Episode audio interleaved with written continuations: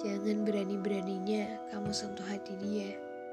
Jika kamu belum siap untuk memperjuangkan, memberikan kepastian untuknya, dan menerima segala kekurangannya. Jangan buang waktumu untuk dia yang belum tentu milikmu.